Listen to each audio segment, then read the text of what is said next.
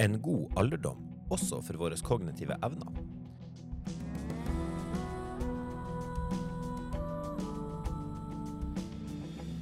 Hei og velkommen til Lørdagsuniversitetets podkast. Vi lever lenger, vi overvinner flere sykdommer, og vi nyter godt av økt levealder. Men med økt alder følger også nye utfordringer. Bente Johnsen er lege og stipendiat ved Universitetssykehuset Nord-Norge og UiT. Johnsen forsker på demensutvikling og kognisjon, og i dette foredraget vil du få høre om funn fra Tromsø-undersøkelsen, og det vil presenteres ferske tall for demensutviklinga i Tromsø over de siste 20 år. Og ikke minst, hva kan vi sjøl gjøre for å påvirke vår egen kognisjon i møte med alderdom?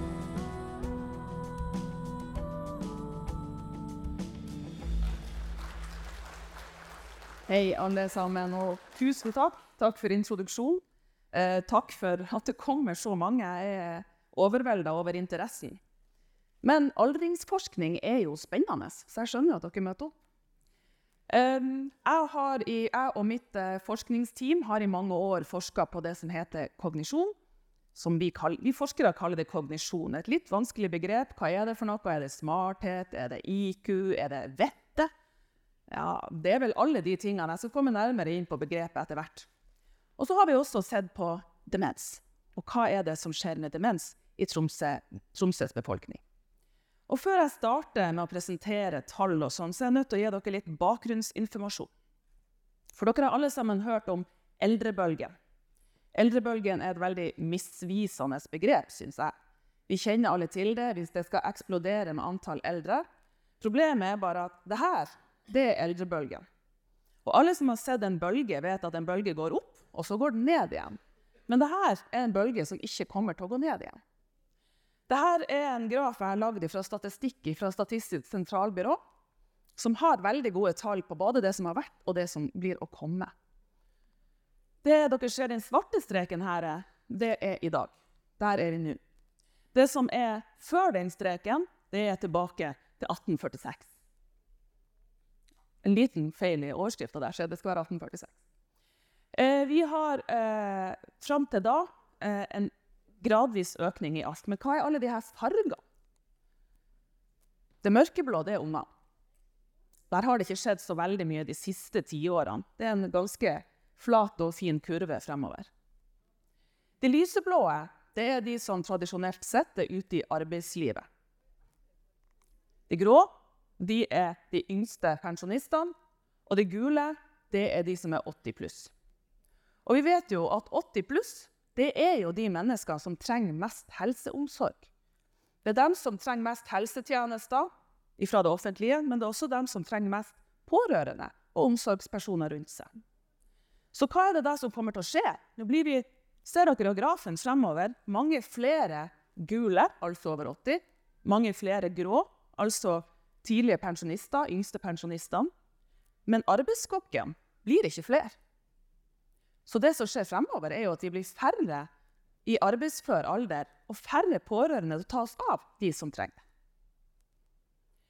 I Norge nå er vi i et historisk skifte. Det skjer noe nå som aldri før har skjedd i Norge. I 2030 så er det spådd at for første gang i norgeshistorien så blir vi flere over 65 år enn under 20 år. I 2030. Nei, ja, i 2030, altså. Men i Nord-Norge har vi en litt eldre befolkning, og her er det viktig at vi i Nord-Norge er klar over dette. Vi er der. Vi kom dit i fjor. I fjor tangerte vi rekorden. For første gang er vi flere over 65 år i Nord-Norge enn vi er unger. Eller ungdommer under 20. Og det må vi ta tak i. Da må vi vite noe om hvordan vi skal håndtere denne såkalte eldrebølgen, som ikke er en bølge i det hele tatt. I Tromsø er vi veldig heldige, og vi er i en særstilling. For vi har noe veldig spesielt i Tromsø som ingen andre byer kan skilte med. Vi har Tromsøundersøkelsen. De som ikke kjenner til Tromsøundersøkelsen, det er altså en befolkningsundersøkelse som ble starta i 1974. Den gang ble den starta fordi menn døde som flue av hjerte-karsykdommer. Ok, de måtte forskere så fant ut, de må finne ut hvorfor skjer det her. Hvorfor døde alle mannene av hjerte-karsykdommer? Så de innkalte alle mannene i Tromsø til å komme og svare på noen spørsmål, ta noen blodprøver, gjøre litt utredninger. Og så skjønte de når de hadde gjort det her, at det her det var kjempelurt. Vi inviterte bare menn i 1974, men neste omgang, i Tromsø 2, som kom noen år senere, så inviterte de også kvinner. Og så ble denne undersøkelsen gjentatt helt fram til 2015-2016. eh, med økende fokus ikke bare på hjerte-karsykdom, og nå må jeg se på huskelista, for det er så mye. Fysisk aktivitet og kosthold, ungdomshelse, lungesykdom, kreft, diabetes, psykisk helse, rus, kronisk smerte, muskel- og skjelettsykdommer, munn- og tannhelse, antibiotikaresistens. Og så kunne jeg sikkert ramse opp veldig mye mer, men jeg stopper der. Det jeg ikke har sagt noe om, er aldring og helse. For det er òg et viktig fokus, og hovedfokus for Tromsø 8, som kommer i 2025-2026. I 2001 så starta de med kognitive tester i Tromsø-undersøkelsen. De innførte fire tester som testa kognisjon hos de som møtte. Disse testene ble gjentatt i 2008 og 2015-16, som gjør at vi nå vet litt om kognisjon til tromsøværing. Så hva er det da som skiller tromsøværingen fra denne tida? De som ble født og vokste opp i denne tida, hva som skiller dem annet enn ja, ikke, moten og bilene antagelig, og, og antall hus? Ja, hva er nytt? Eh, hva skiller de ulike? Hva er det vi har funnet i Tromsø-undersøkelsen? Jo, vi har funnet veldig mye gode nyheter. Hjerteinfarkt går ned. Blodtrykket går ned. Slag, eh, antall nye tilfeller slag går ned. Røyking Her er tall fra FHI, men de illustrerer godt Tromsø-undersøkelsen òg. Vi røyker mindre. Heldigvis så er vi slutta å røyke i større og større grad. En liten kjønnsforskjell. Den blå streken her er menn, den røde er kvinner. Eh, som viser at menn har røkt den her Hvis du går enda lenger tilbake i tid, sånn 100 år tilbake i tid, så vil vi se en mye større kjønnsforskjell på røyking. For menn starta mye tidligere og røykte mye mer, mens kvinnfolk kom etter litt etter hvert. De nederste to strekene det er festrøykinga. Den her av og til-røykinga. Den klarer vi visst ikke helt å få bukt med, men vi må nå bare fortsette å prøve. Fysisk aktivitet er jo også et kjempeviktig tema. Og her er en eh, artikkel som har kartlagt fysisk aktivitet på fritida hos tromsøværingen. Og som dere ser, så gikk det litt ned. altså Fram til årtusenskiftet så var vi litt på latsida, kanskje. Jeg vet ikke. Men så snudde det. Og siden 2001 så har, har tromsøværingen blitt mer aktiv på fritida. Og det er jo kjempegode nyheter. Det er bra. Den siste tingen jeg er nødt til å ta opp i forhold til hva som har skjedd med tromsøværingen, er det her med gripestyrke.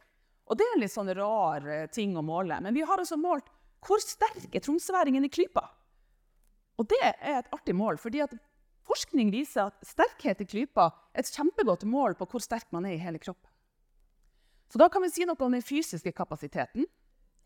Og det dere ser her, er at eh, den, den helstipla linja, de som er eh, født tidligere, har dårligere eh, Altså de som er født med den stiplede linja, har dårligere gripestyrke enn de som er født senere. Født eh, 1910 til 29 har dårligere gripestyrke enn de som er født 1931 1949. Og da har de justert for veldig mange faktorer. Eh, og de regna forskerne som gjorde denne undersøkelsen, det var ikke min gruppe, men en lignende, eh, fant ut at det var en ca. fem års forskjell i alder på tidligere fødte. De gjorde det bedre enn de som var fem år eldre. Da er vi over på kognisjon. Eh, og jeg lovte dere at kognisjon skulle jeg forklare litt bedre. Vi vet noe om hva som har skjedd med de kognitive evnene til tromsøværinger, men hva i all verden er kognisjon? Kognisjon er ikke IQ, det er ikke vettet, det er alle disse tingene. Vi forskere eh, kaller kognisjon for noe mye mer. Kognisjon er altså evnen til å ta inn omgivelsene rundt deg med sansene, bearbeide dem, prosessere dem og bruke den informasjonen man får, til noe nyttig. Altså bruke det riktig. Når jeg sier at noen har en kognitiv svikt, så får jeg ofte til svar å ja, hun husker ikke så godt lenger. Ja, det er en del av det. Det er det. Hukommelse er en, en viktig bit av kognisjon. Men det er ikke den eneste tingen.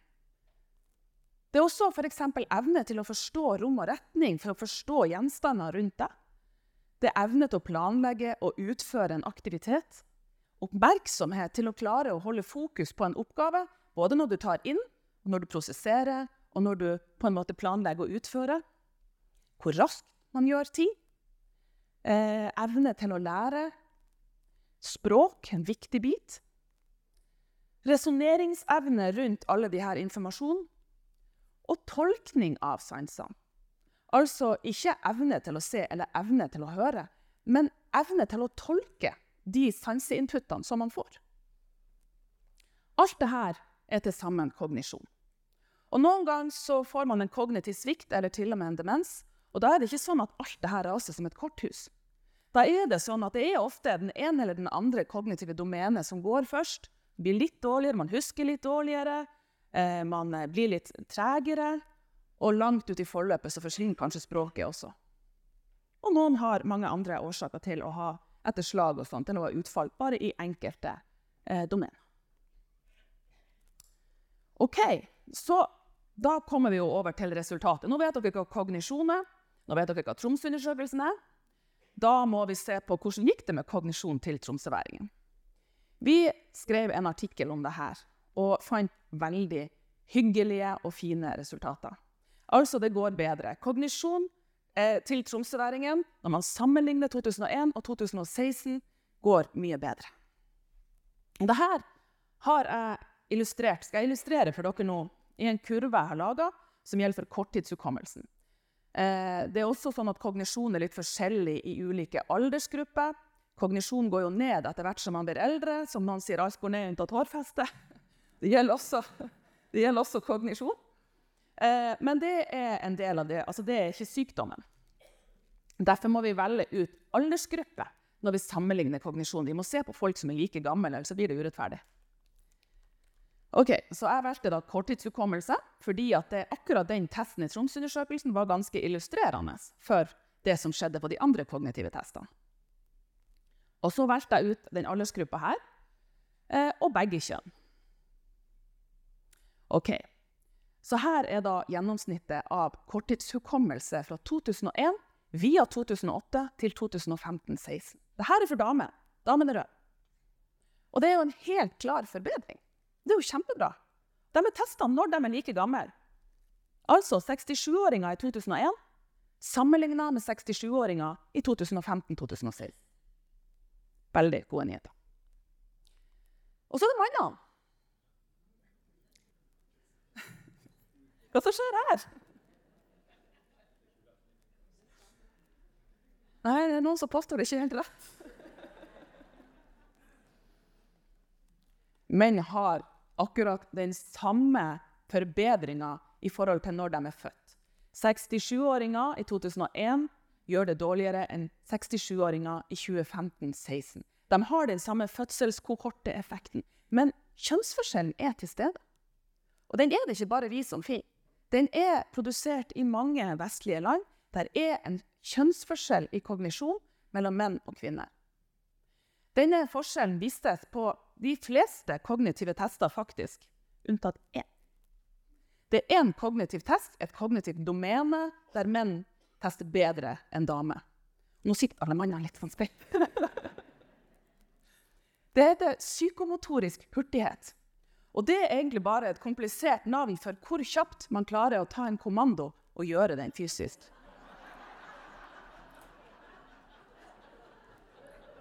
Ja, der er vi dårlige.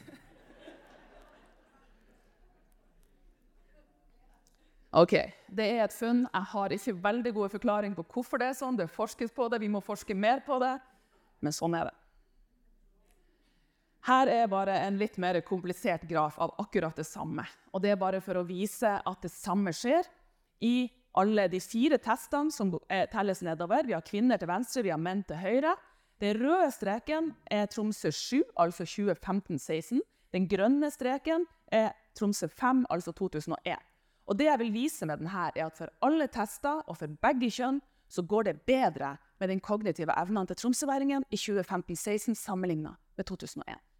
Det at kurven går nedover, det er bare fordi at det er tall på x-aksen. Nei, unnskyld, alder på x-aksen. Og at vi har en liten som jeg sa i sted, en liten nedgang også hos friske. Ja, så hva betyr det her? Hvis vi skal nå oversette alt det her, mange funn, til litt enklere, et litt enklere måte å si det på, så er det sånn at 70 er det nye 60. Vi fant altså at den aldersforskjellen mellom 2001 og 2015 tilsvarer ti år. 70 er det nye 60, på samme måte som 80 er det nye 70. Og dette gjelder for begge kjønn. Den ene testen hadde faktisk 20 års forskjell. Og det var nesten så vi ikke trodde på det, men det, det sto seg i, i, flere tester. Ok, så da, vi jo, da, begynte vi å se på ok, vi har funnet at her er forskjeller, her er kjønnsforskjeller. De som er født senere, gjør det bedre enn de som er født tidligere. Hvorfor? Ja, Da begynte vi å teste ulike faktorer som vi vet kan påvirke kognisjon. Først testa vi utdanning. Utdanning var den eh, faktoren som slo ut desidert mest. Den påvirker kognisjon absolutt mest av alle faktorene vi tester. Så hva er forskjellen på utdanning da? På 100 år tilbake i tid og nå? Her er en oversikt fra Tromsøundersøkelsen. Lagd en graf over hvordan utdanninga har vært eh, siden man ble Den eldste var født i 1897. Eh, den yngste var født i 1977. Den blå streken det er grunnskole, mindre enn ti års utdanning. Og den gule streken det er høyskole eller universitet, fire år eller mer. Så hvis dere ser på grafene, hvis dere begynner å se på kvinner, så ser dere det at det er en sånn helt klar nedgang mellom de som har lav utdanning, og så snur det, og så bare vokser den gule streken mer og mer. Det er altså en kjempeendring i utdanningsnivået til kvinner. Og da er det jo spennende, må vi jo se på menn også. Hva skjer med menn? Det er akkurat det samme, men menn hadde litt bedre utdanning i utgangspunktet. Det var flere menn med høy utdanning for 100 år siden. Eh, men samtidig ganske mange med kun grunnutdanning. Men det tallet har også gått ned. Eh, og de med høy utdanning har holdt seg ganske jevnt høyt. Det som er nå eh, interessant, er jo at kvinner går forbi menn i høy utdanning. Altså i antall mennesker med høy utdanning. OK, så da ser vi ok, de med høy utdanning de gjør det bedre på kognitive tester enn de med lav utdanning. Det kom veldig sterkt ut. Det er en kjønnsforskjell. Kjønnsforskjellen er ikke helt forklart, men når vi vet at utdanning er så viktig, og når vi ser at det er en forskjell i kjønnene på utviklinga av utdanning over de siste 100 årene, så kan jo det være deler av forklaringa, men det er ikke hele forklaringa. Vi vet at alkohol er skadelig for hjernen. Det vet vi gjennom masse forskning. Derfor tok vi med alkohol, og forventa å finne ut at de som drikker alkohol, de gjør det dårligere på kognitive tester. Og stor ble overraskelsen da når vi fant ut at når vi sammenligna dem som drakk litt, men ofte, gjorde det bedre på kognitive tester enn dem som aldri rørte alkohol. Uh, jeg tenkte dette kanskje stemmer, og kjørte det på nytt. og på nytt og på nytt. og på nytt. Det stemmer. Det er sånn. OK, men da må vi jo begynne å skjønne. Vi vet at alkohol er skadelig for hjernen. Hva er dette slags effekt? Hvorfor blir det sånn? Det begynte vi å gjøre noen dypdykk i litteraturen. Lese litt mer om alkoholens påvirkning på hjernen, og befolkningsundersøkelser.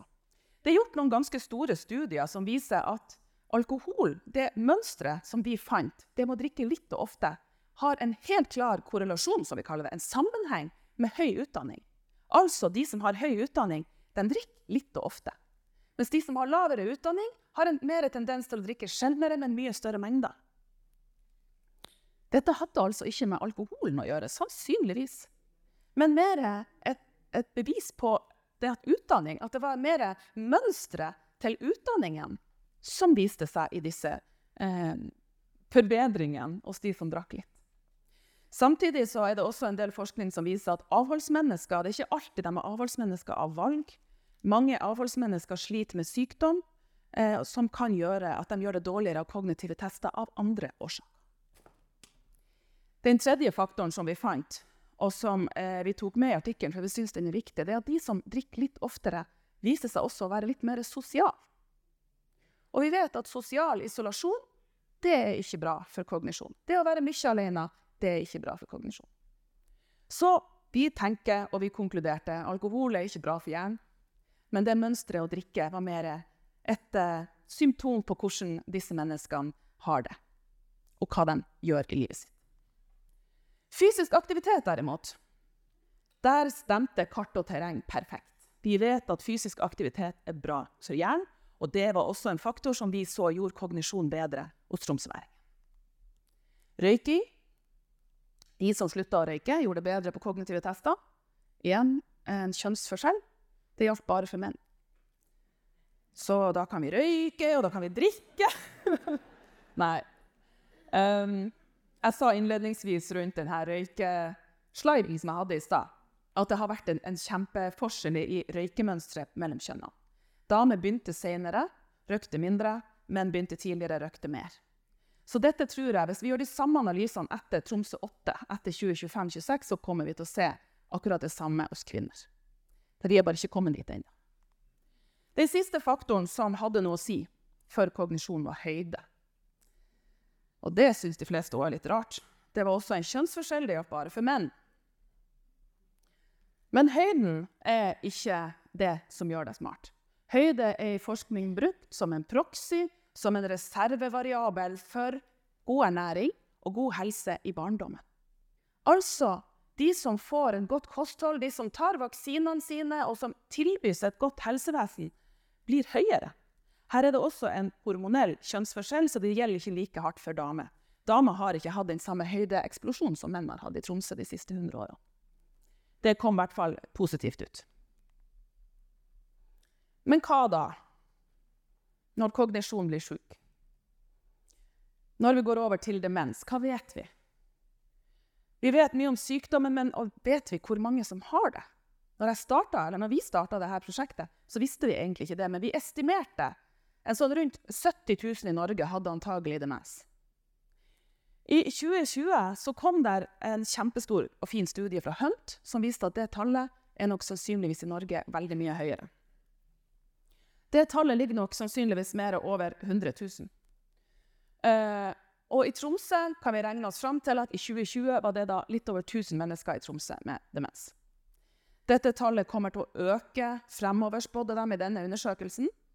Eh, og vi kom til å lande på en eh, nesten tredobling innen 2050. Spesielt for Tromsø, som har en litt eldre befolkning. Eh, I 2020 var det også demens den tredje vanlige dødsårsaken i Norge. Og det er det ikke så mange som er klar over, at det er så vanlig å dø av demens. faktisk. Den tredje vanligste. Den sykdommen vi ikke har noen medisiner for, ingen behandling for, det er den som tar eh, tredje mest i Norge. Den kurven har gått flata litt ut, som dere ser her. Pekeren her var ikke helt bra. Men dere ser at det i 2022 har det flata litt ut. Likevel er vi så mange eldre at det tallet der er fortsatt rekordhøyt. Det har aldri dødd flere av demens enn det gjør nå. OK, så da må vi jo vite noe om Vi har jo Tromsøundersøkelsen. Det vi gjorde. Vi tok alle 45 000 pluss som noensinne har vært i Tromsøundersøkelsen. Og så kjørte vi dem gjennom et register og fant ut hvem er det som senere har fått demens i sykehusregister. Litt overraskende fikk vi et mye høyere tall enn det som var estimert. Vi fant 2300 mennesker av disse som har vært i Tromsøundersøkelsen og senere fått demens. Da har vi jo kjempemateriale. Da vet vi veldig mye om ei hel gruppe som senere fikk demens, før de fikk demens. Så dette måtte vi jo forske på. Og sammenligne med de som ikke fikk demens. Hva skyldte dem? Det første vi må se på, er jo hvordan har utviklinga vært? Det skal tredobles. Det høres helt enormt ut. Det er jo uoverkommelig. Vi klarer ikke det. Altså, Helsevesenet kommer til å krasje. Er det sånn at fremtida er så svart? Så da bestemte vi oss for å se på det her er ikke mennesker, det her er ordførere som gjaldt. Som var ordfører i Tromsø i 2000. Og Gunnar som overtok i, i 2019. Hva har skjedd mellom her to ordførerperiodene? Vi ble veldig positivt overraska. Antall nye tilfeller går ned i Tromsø. Det vil si, det er færre i hver aldersgruppe som får demens.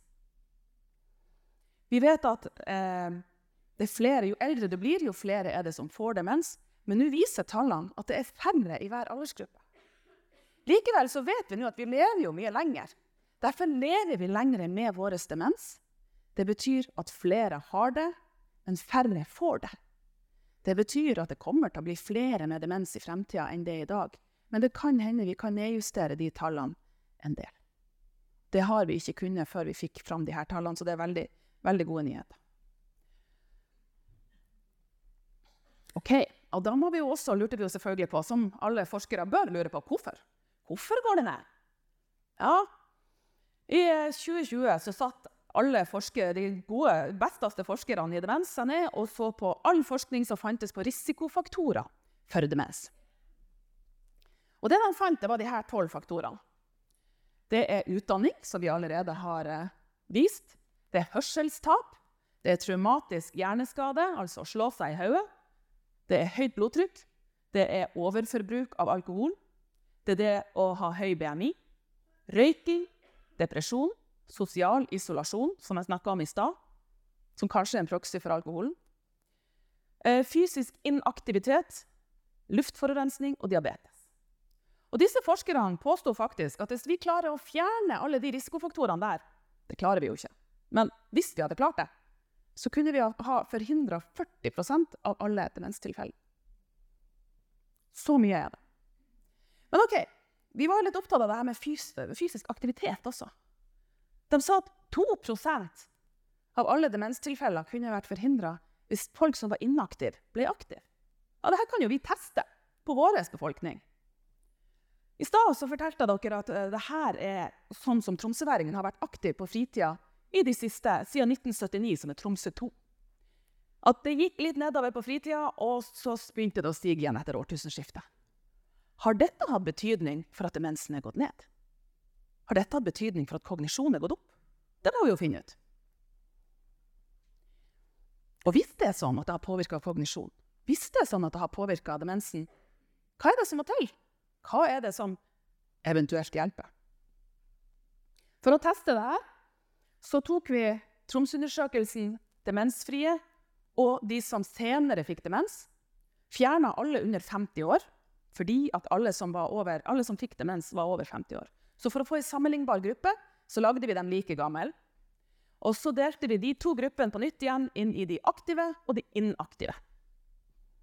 Og da fant vi veldig mye interessant. Det var en, en fin måte å dele det opp på, fordi vi fikk gode resultater. De som ikke fikk demens under hele studieperioden, der øka kognisjon. Ikke så veldig overraskende, vi visste at kognisjon var gått opp. Men når vi sammenligner, nå sammenligner vi ikke 2001 med 2015. Nå sammenligner vi de inaktive med de aktive. Og da ser vi at de som er aktive, de gjør det bedre på kognitive tester sammenlignet med de som er inaktive. Dette skillet øker med alderen. Så jo eldre man blir, jo større er skillet mellom aktiv og inaktiv. Det er mindre skille mellom to 60-åringer som er inaktive og aktive, enn det er mellom to 80-åringer som er aktive og inaktive. Så det er aldri for sent. Og så lurer alle på men hva må til, da? Jeg orker ikke å dra på sånne treningssenter. Jeg er ikke så noe vondt her, og sånn, og hvordan skal jeg gjøre det her? Den største forskjellen var hos dem som kom seg ut av sofaen. Altså de som var inaktive. Som reiste seg og gikk ut og gikk, gikk noen turer. Det er altså snakk om gå, sykle, lav aktivitet egentlig, men være i bevegelse minst fire timer i uka. Minst fire timer i uka. Det er en halvtimes gåtur om dagen, og så er du der. Det er det som skal til for å få bedre kognisjon enn de som ble i sofaen. Det var også en kjønnsforskjell her som jeg ikke har tid å gå inn på nå. Men kvinner kan se ut til å ha litt større effekt av fysisk aktivitet enn menn når de reiser seg fra sofaen. Også litt ulike kognitive domener som ble påvirka, og det må vi se nærmere på senere. Men hva skjedde med dem som senere fikk demens? Husk at alle som ble testa, ble testa før de fikk demens. De ble eh, testa i forhold til fysisk aktivitet og i forhold til kognisjon før de fikk demens. Og så fikk de demens kanskje flere år senere, så hvordan gjorde de det da på kognitive tester? Vi vet at særlig Alzheimer kan vi sinne i hjernen veldig, veldig mange år før man får noen symptomer. Er det sånn at denne sykdommen gir subtile små symptomer tidligere? Det kan hende, for vi fant faktisk ingen forskjell på de som var fysisk aktive, og de som var fysisk inaktive på kognisjon når de senere fikk demens. Vi tok alle de kognitive testene, som ble fem kognitive tester etter hvert, slo dem sammen og lagde et slags gjennomsnitt. Her var det ingen forskjell. Det var kun én test. Det var korttidshukommelse. Den ga litt effekt. På kvinner når de gikk fra inaktiv til aktiv, og på menn når de gikk fra aktiv til veldig aktiv. Og veldig aktiv, da er man nesten oppe i atlet. Da trener man i hvert fall godt. Og der fikk man en liten effekt på korttidshukommelse. Ellers var det ingen effekt når de senere fikk demens. Likevel så vet vi jo at fysisk aktivitet kan virke på mange andre ting. Altså, Jeg har jobba i geriatrien i mange år og ser jo helt klart en forskjell på inaktive og aktive. Det virker på evne til å holde balansen, det får ned fall, det øker appetitten. Det gjør mange andre ting. Man er også ofte mer sosial når man er fysisk aktiv. Så fysisk aktivitet anbefales likevel for alle. Det er også et poeng at det er jo ikke noe tradisjon for å teste oss for demens. Vi har jo ikke muligheten til det for å vite om vi senere får demens. Og når vi da vet at hvis vi aldri får demens, så kommer vi til å gjøre det bedre på kognitive tester. Vi kommer til å få en bedre kognisjon. Så det er i hvert fall ikke noe grunn til å la være. OK, vi nærmer oss slutten. Jeg skal eh, ta en liten oppsummering av de tingene jeg har sagt. Det er veldig mye informasjon, så derfor tenkte jeg det var greit å gjenta det nå på slutten. Hva gir tromsøværingen bedre kognisjon? Å tilhøre senere generasjoner. Det er litt vanskelig å gjøre noe med det, men det er nå det vi fant. Det er også litt vanskelig å gjøre noe med kjønnet. Eh, biologisk sett, i hvert fall. Eh, men for noen kognitive domener så hjelper det. Slutt å røyke. Ha høy utdanning. Altså, det er også, den høye utdanninga har størst effekt av å gjøre det med ungene våre. Så vi som samfunn er nødt til å fortsette med det. Vi er nødt til å fortsette å oppfordre ungene våre til å ta høy utdanning. Vi må legge til rette for dem. Det vil gjøre noe med samfunnet fremover. Og for menn, vær høy. Utrolig flåsete sagt, men det handler jo da om det å ha et godt kosthold og god helse og fravær av annen sykdom i barndommen. Og så et lite skrytebilde bare for å oppfordre alle til å være fysisk aktiv. Det er det som virkelig funker. Eh, Sherpatrappa eller en tur ut i skauen. Eh, det må ikke være mye, men det er hjelper å komme seg opp av sofaen. Så var det dette med demens. Ok, Færre får det, faktisk. Det er kjempegode nyheter. Det går ned som alle andre store sykdommer, eh, men flere lever med det. Fordi vi overlever alt mulig annet. Tusen takk for oppmerksomheten. Fra en fullsatt sal ble det stilt mange gode spørsmål. Vi skal her lese inn en eh, versjon av de spørsmålene sånn at du kan få glede av svarene som blir gitt avslutningsvis i foredraget. Først ut ble det vist til at Johnsen pekte til utdanning som den faktoren som slo mest ut på kognitive tester. Og det ble spurt om dette gjelder noen spesielle utdanninger spesifikt, akademiske utdanninger, praktiske utdanninger, eller om det gjelder utdanning generelt. Det vi spør om i Tromsøundersøkelsen er antall år på skolebenken. Og det er det vi har testa. Så det akkurat med praktisk utdanning er ikke med. Men det er jo også med det, sånn, altså all type utdanning teller jo folkeskole. Det må ikke være universitet. Men det må være innrullert i et utdanningsprogram. Så har vi vært ganske åpne med hva det er. Så et spørsmål om kognisjon og kjønnsforskjeller. Hvor stor er forskjellen på menn og kvinner, og har det betydning for hvordan menn og kvinner klarer seg i hverdagen? Nei, det har det ikke. Uh, det her er jo tester som går inn i ulike det, det er ikke sånn at, at, vi damer nødvendigvis klarer hverdagen så veldig mye bedre enn friske menn. Uh, men forskjellene er veldig tallvis. Jeg har ikke noen sånne eksempel som kan si noe praktisk eksempel på hva damer kan klare bedre. Men det er så f.eks. at damer husker litt bedre. De gjør det bedre på tester for rom og retning. De gjør det bedre på uh, språk, faktisk. Uh, Sånn at Det er flere domener, men vi klarer ikke liksom, og Dette er jo en befolkningsundersøkelse. Så det, og det som er vanskelig med befolkningsundersøkelser, er å dra det ned på individnivå. Jeg finner hva er sannsynligheten for det her. Og så er det sånn at Sannsynligheten er høy for akkurat det her, men det betyr ikke at jeg kan spå hva som skjer med deg eller han eller hun. Fordi at man kan gjøre alt rett og likevel ha en dårlig kognisjon, eller gjøre alt feil. Nei, unnskyld, gjøre alt feil og få en, en god kognisjon eller omvendt det kan ikke helt uh, måles. Så det å sammenligne en dame og en mann, det er litt vanskelig. Og hva med genetikk? Har genetikk noe å si? Genetikk har vi i denne Vi vet at genetikk har noe å si, spesielt for de yngre med kognitiv svikt. Eh, men vi har ikke sett på genetikk i våre undersøkelser her. Det har vi ikke gjort. Det kommer vi nok til å gjøre i fremtida. Og vi har prosjekter på gang med det. Så hvis du spør meg om noen år, så vet jeg litt mer. Det vises igjen til utdanninga, men hva er det med utdanninga og med det å ha høy utdanning som spiller inn på bedre resultater på kognitive tester? Det har òg vært diskutert veldig mye i forskning. Hva er det som gjør at de med høy utdanning gjør det bedre? Eh, no, noen argumenterer for at de som går mye på skole, lærer seg en måte å tenke på som vises veldig godt på de kognitive testene. At de rett og slett gjør det bedre på kognitive tester fordi de er skolert i akkurat det. I mye større grad enn de som, som har lavere utdanning eller praktiske og ikke har vært inne i det systemet. Men jeg tror jo også at det er noe som, som heter kognitiv reservekapasitet, som er et, et, uttrykk som er brukt veldig mye i forskninga. Og det handler om at det er litt som, som med fysisk aktivitet. Når du trener en muskel, så blir den større. Og det vi ser, er at de som har kognitiv, høy kognitiv reservekapasitet, får ofte senere debut av sin demens når de får det. Og de tåler på en måte, Det er akkurat som at disse hjernene tåler påvirkninger eh, bedre. Negativ påvirkning. Så det er nok et spørsmål med, uten et enkelt svar. Eh, men det er mange, mange teorier rundt det. Og det tror jeg. Kognitiv reservekapasitet og trening. Hvor viktig er det å holde hodet i aktivitet med hjernetrim, som f.eks.